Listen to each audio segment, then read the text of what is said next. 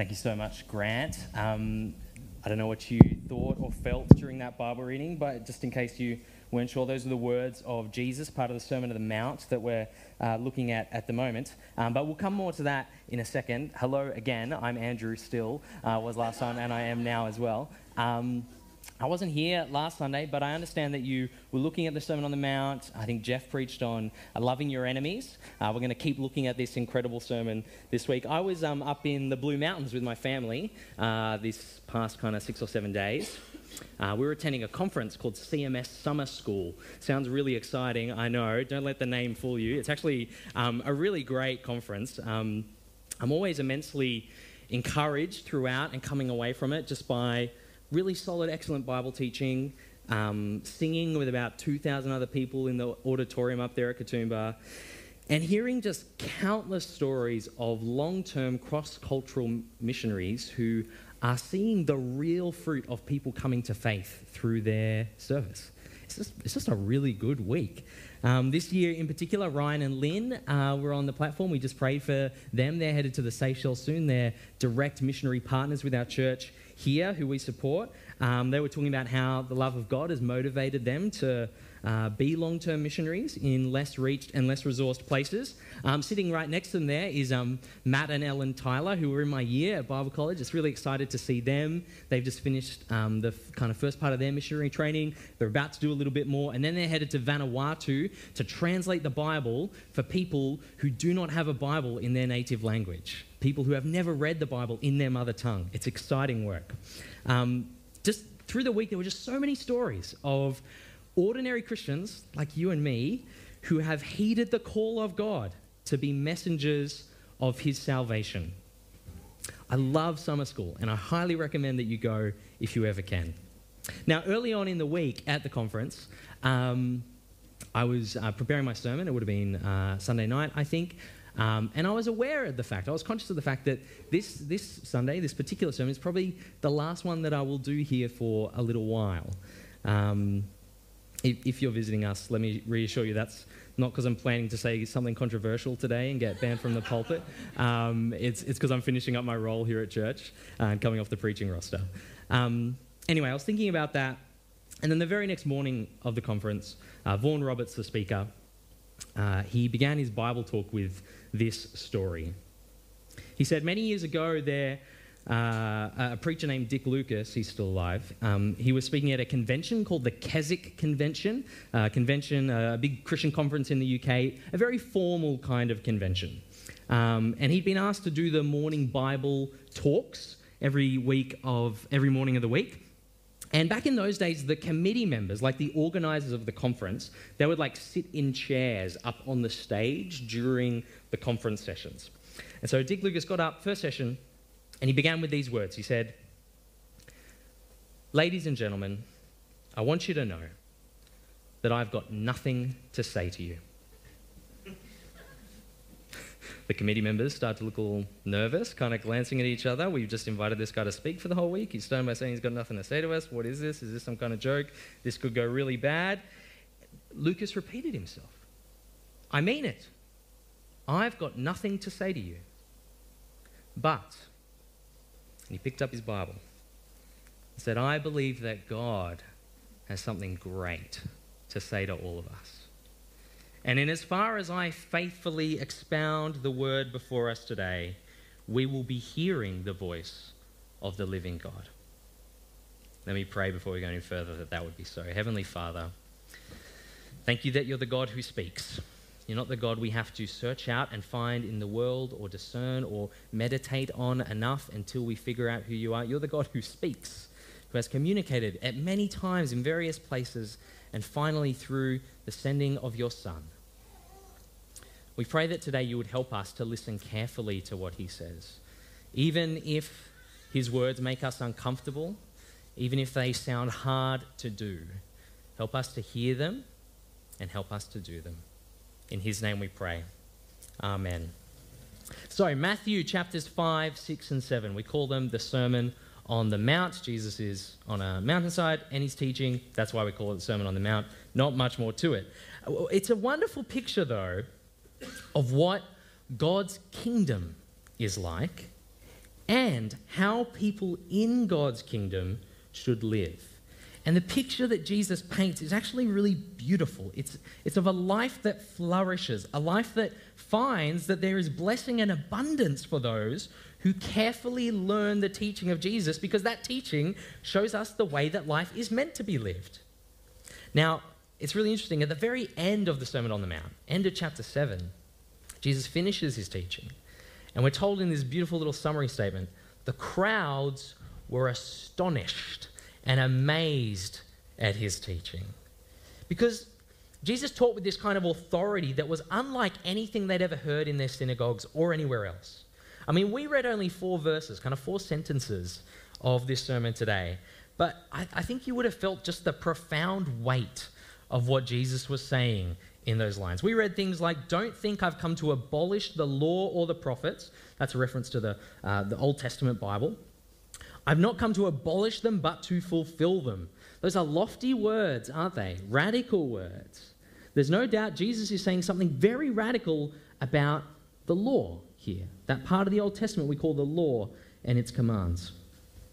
I remember a few years ago um, watching the Australian sketch comedy TV show called The Chasers War on Everything. Does anyone remember this particular show? A couple of us. It's getting a bit dated these days. Um, anyway, these comedians, they kind of, um, in one of their bits, they dress up as journalists and they, um, they corner the Anglican Archbishop of Sydney at the time, Peter Jensen, as he was coming out of church. And they pepper him with questions about the Old Testament. Archbishop, which bits of the Bible are we still supposed to believe today? Do you agree, Archbishop, with Exodus chapter 35, verse 2, that we should put to death those who work on the Sabbath? Archbishop, you're wearing glasses. Doesn't it say in Leviticus 21 that those who have defective sight cannot take the communion of God? Or what about Leviticus 21, verse 9? Put to death those that curse their mother and father. That's just good old fashioned common sense, isn't it, Archbishop? You get a lot less lip from those teenagers if we started obeying those laws. Now, they actually misquote the passage that they quote in the middle, and they're clearly not engaging in good faith. But their questions uh, they're worth thinking about, aren't they? Perhaps you've asked these kinds of questions before. How should I, as a Christian, understand Jesus and the Old Testament and their relationship and my relationship to the Old Testament laws? Since Jesus, we're told, has brought about a change of regime, this thing called the New Covenant in the Scriptures, what does that mean for the Old Covenant and the way I read it and apply it to my life? Well, let's pick it up there in chapter 5, verse 17. It'd be great if you had your Bibles open. I won't have any of the verses on the screen today. You'll have to, um, you won't have to flick. It's four verses, right? Uh, chapter 5, verse 17. Don't think I've come to abolish the law or the prophets, says Jesus. I've not come to abolish them, but to fulfill them. Jesus says, I'm not abolishing, I'm fulfilling the Old Testament. We can think of it a bit like a wedding, right? When you get married and you have a wedding, that doesn't abolish your engagement, it fulfills your engagement. You don't go up to the bride on her wedding day and go, I'm so sorry to hear that your engagement has ended. That's it's just tragic. No, you, we're thrilled that the engagement has ended because that was the main point of the engagement. It was an expectation, it was a promise of a wedding that would happen. It's been not abolished, but fulfilled. Now, the fact that Jesus has to clarify, I'm not abolishing the Old Testament, implies that some people may have been thinking that or saying that that's what he'd come to do. His teaching has been kind of pretty out there, and so people think maybe that's what he's doing, getting rid of Moses and the law and all that Old Testament. We can see why. Later in Matthew's gospel, he is directly accused of abolishing the temple before this part of Matthew's gospel, he's been forgiving sins, which is something that only the sacrificial uh, animal, animal sacrifice system was meant to do in the temple. And then, of course, there's those highly respected local heroes, the, the, the, the leaders of keeping the law in this part of the world, the Pharisees and the scribes, those experts who teach how to obey the law. Jesus often has had very strong critiques of them. Jesus does seem, in some ways, to be a, a potential threat to the past. someone who's unsettling those who love tradition and custom. And so, to this crowd who's a little bit anxious that Jesus might be wrecking their traditions or abolishing their treasured holy texts, what does he assure them he's actually doing? I'm not abolishing, I'm just fulfilling the Old Testament and its commands. Oh, just fulfilling. Jesus didn't say, I've come to endorse the Old Testament commands. That would have made the crowd happy. He doesn't say, I've come to give the true, right interpretation of the law and the prophets. That would have been much more acceptable, much more palatable. He says, I've come to fulfill. What does that mean? Well, it can't mean that he's going to leave it in place with equal force, unaffected. We could read pretty much any book of the New Testament, and it will talk about how there was something of the law that was insufficient and passing away about it.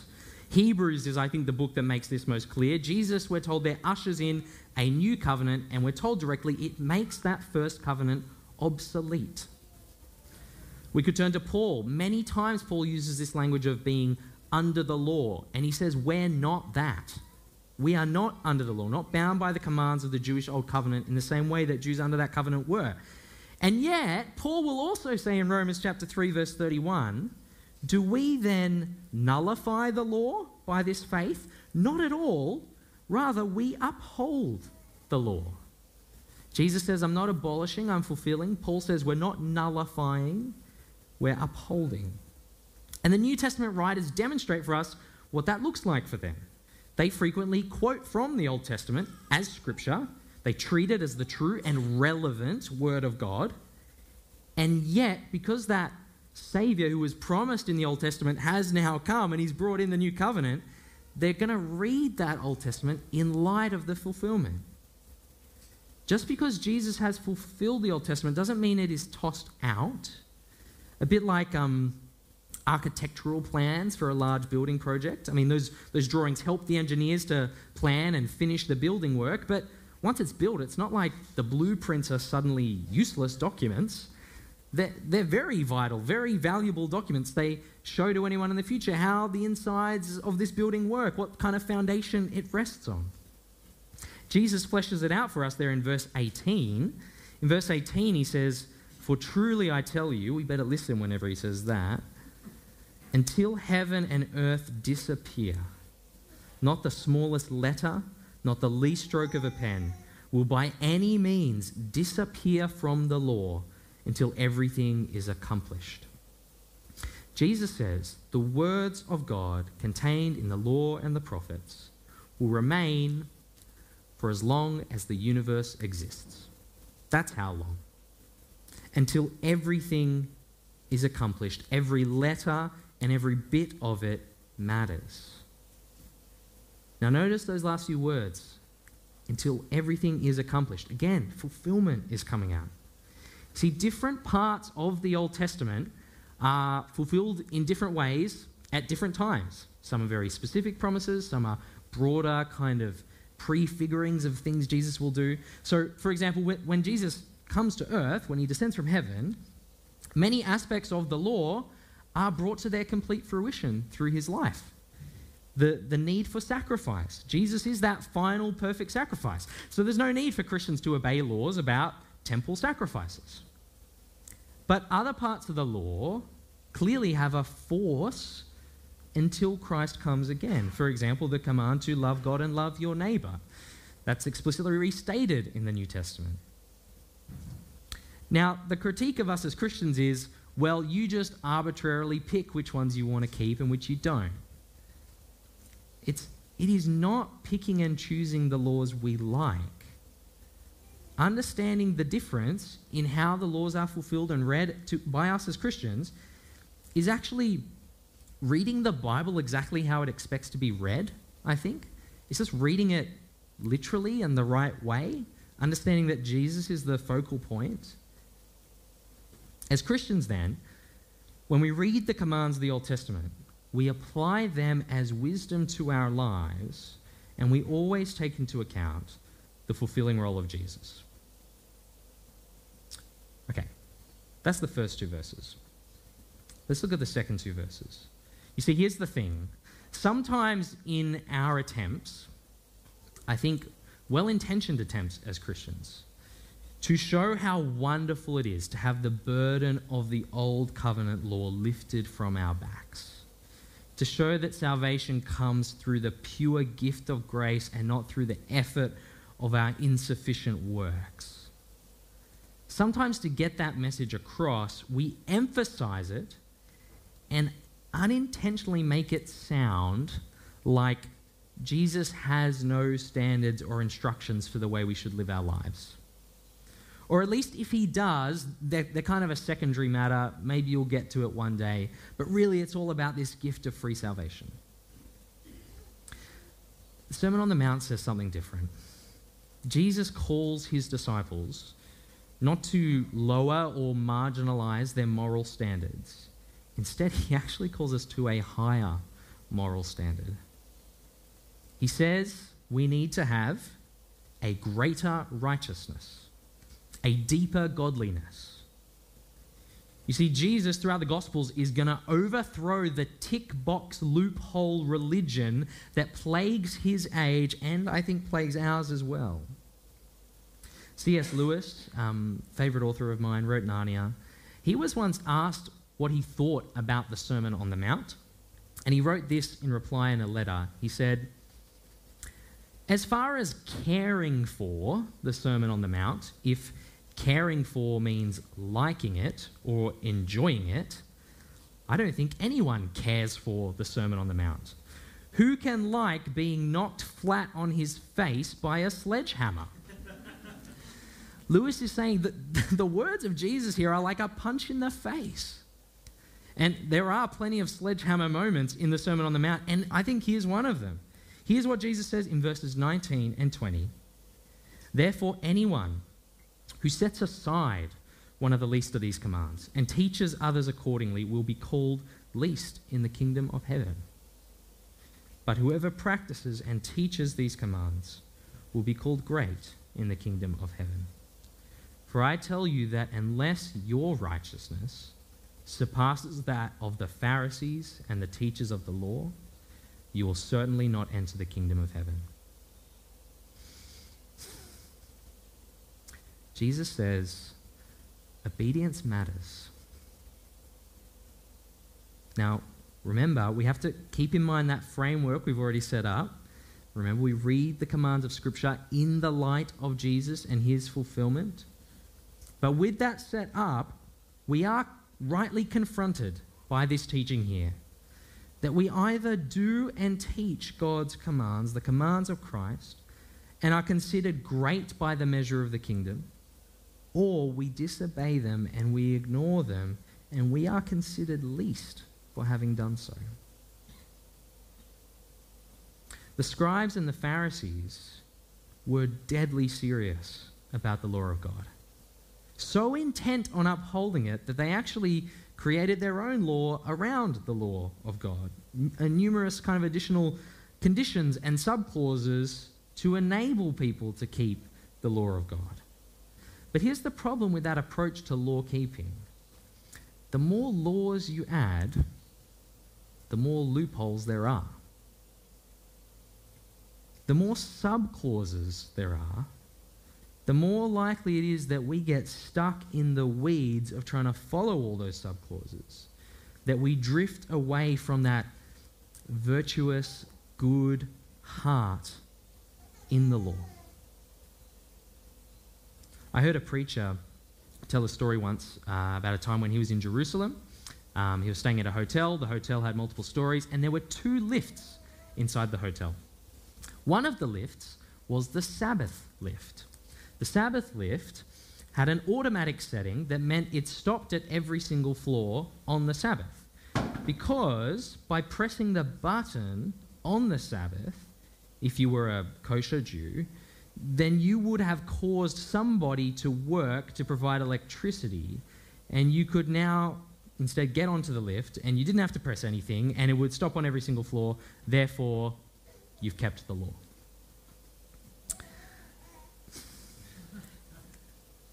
Jesus, I think, teaches that that is not the right approach to obeying the law. He teaches something that I think is actually the opposite of that approach. Jesus says no loopholes, no subclauses, no lowering of the bar.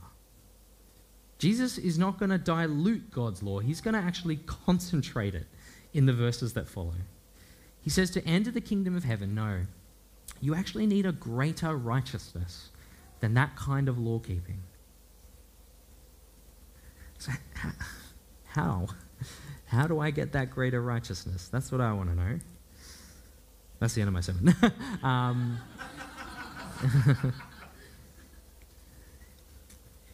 if Jesus is calling us to a deeper vision of godliness, what must we do? I think two things come out of this passage. First, we have to know the commands of Christ. To be a disciple is to be a learner, to understand the law as Christ understands it. That is paramount. Last year, there was this trend on social media um, called quiet quitting. Anyone heard this phrase, quiet quitting? Um, it kind of exploded around September last year. Um, quiet quitting, in case you've never heard this phrase, it's the idea that you quit your job without actually resigning. So you show up to work, but you do the absolute bare minimum. No extracurricular activities, no kind of being a civically minded, helpful person.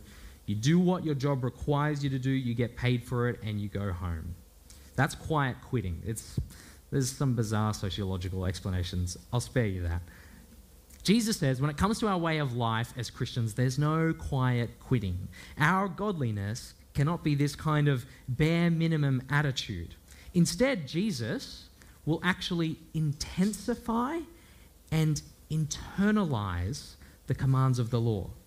In the section that follows, it's sometimes called the antitheses. They're just illustrations of what Jesus is saying. Um, Jesus gives us six illustrations of what this greater righteousness, this deeper godliness, looks like. He applies it to anger, firstly. He says, You've heard it said, don't murder. I say, don't even hold anger in your heart. In fact, Jesus thinks it's so important. He says, reconciliation with those you've hurt is so important and so urgent that you should stop whatever religious duties you're doing and go and proactively make peace with people. Jesus applies it to sexual lust. He says, You've heard it said, don't commit adultery. I say, if you entertain and indulge lustful thoughts, then you have sinned. And Jesus' application for that is to say, take whatever drastic measures it takes to, to remove that temptation. Drastic surgical action, Jesus calls for. He then applies it to divorce. Uh, I'm not going to say much on this because I, think I've preached twice on divorce in the last six months or so. Refer back to those sermons. Um, but Jesus there says, um, You've heard it said, divorce is permissible so long as you've got a certificate for it, and that is uh, uh, a clause in the law. But Jesus says you're actually coming at it from the wrong angle. In God's eyes, marriage is lifelong. That's the way it's supposed to be.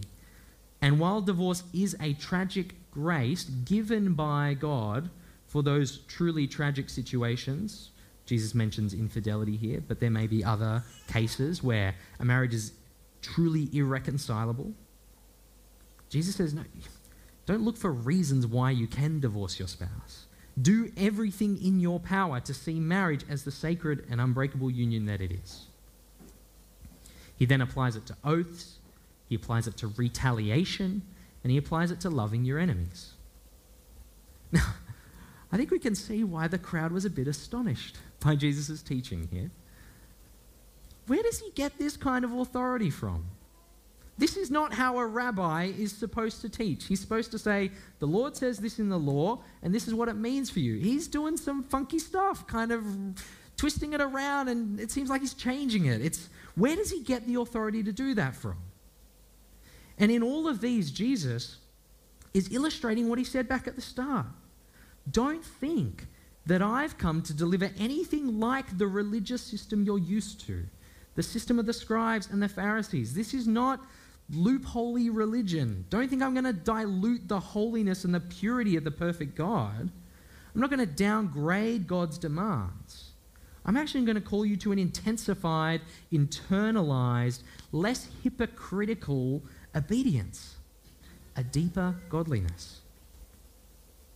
And so, firstly, the Sermon on the Mount is a call to us to learn, to strive to obey what the New Testament calls the, the commands of Christ, the law of love. But secondly, having heard this call to follow the King's way of life, we have to remember that we do so humbly. We do so as imperfect disciples, not as those who are self righteous and proud. Something else Jesus will call out. At the start of the Sermon on the Mount, Jesus said, Blessed are those who hunger and thirst for righteousness, who hunger and thirst for it. Godliness that is greater than the godliness of the Pharisees in Jesus' day is a godliness that, that comes clean before God. It says, Yep, I am a moral failure. God, you've shown me that through the law. Thank you. It, it hurt, but thank you. Now, would you please have mercy on me? Give me a righteousness that is not my own and begin to transform me. And the promise of the good news of salvation is that if you will come to Jesus and trust him as the Lord and Savior of your life, you will receive that forgiveness. You will be righteous in the sight of God. Let me share one last illustration. I heard this week uh, at the conference um, on this idea. Uh, Vaughan, the speaker, he shared this story from a time when he was doing um, university student ministry. He said this There was one young student who came to see me. He wanted to talk about what he said was a terrible sin. So he arrived and came into my office. And as he sat there, I found that he couldn't couldn't get the words out. He couldn't tell me what this thing was. But he clearly wanted to. So I said, Would it help if you wrote it down? And through the tears, he nodded.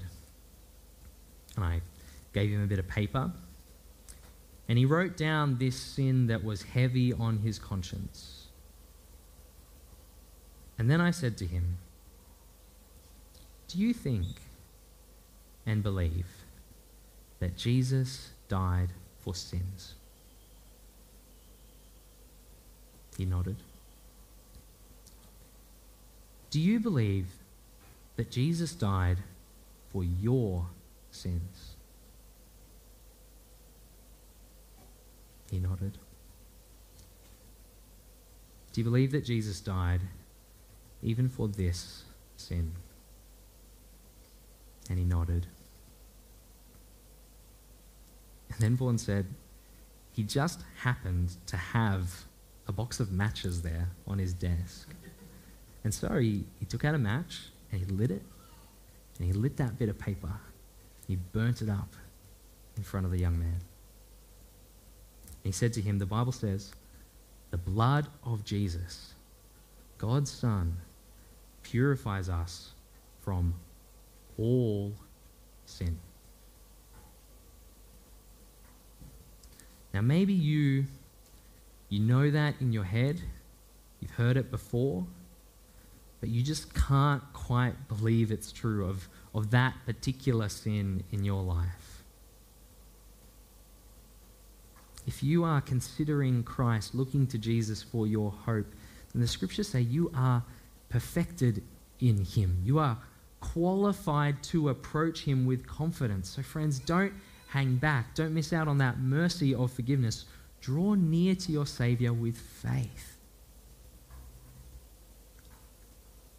And having done that, if we draw near, we are not only given forgiveness that makes us righteous in God's sight, we are also given the Spirit of God Himself that transforms our hearts and our minds, gives us that new heart that wants to live for this Jesus, to pursue this deeper godliness. It's so beautiful. It's just glorious. It changes everything. What did Jesus do? He obeyed all of the law for us, living the perfect life we couldn't. But then he also copped all of the punishments in that same law, received the punishment we deserved for us. And so, friends, know that the Christ who has fulfilled the law calls you to pursue a deeper godliness. God in heaven, we thank you that you are the God who has spoken to us through your word today. Perhaps the Spirit has tugged at our hearts and minds in different ways.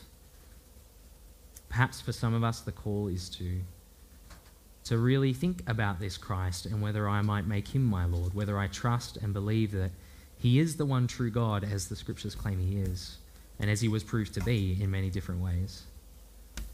For, for some of us, we may be struck by the, the huge task that it is to obey the, the, the law of Christ, to obey his instructions and commands, to be called to this incredibly, somehow higher form of righteousness, even greater than the righteousness of the Pharisees. Help us to see that you are the one who sanctifies us for that task, that you cause us actually to, as those who are forgiven and adopted, to, to find joy in the pursuit of godliness, knowing that we will stumble and we won't always hit the mark. But when, when we do, there's always more mercy and forgiveness. Help us also not to, to soften the warning here, to take away from Christ's stark words that, that the words of the scripture are for us and they apply to us, and we must heed them. Father, your word is so rich, and we thank you for it. Pray that you would help us to be more like Jesus. Amen.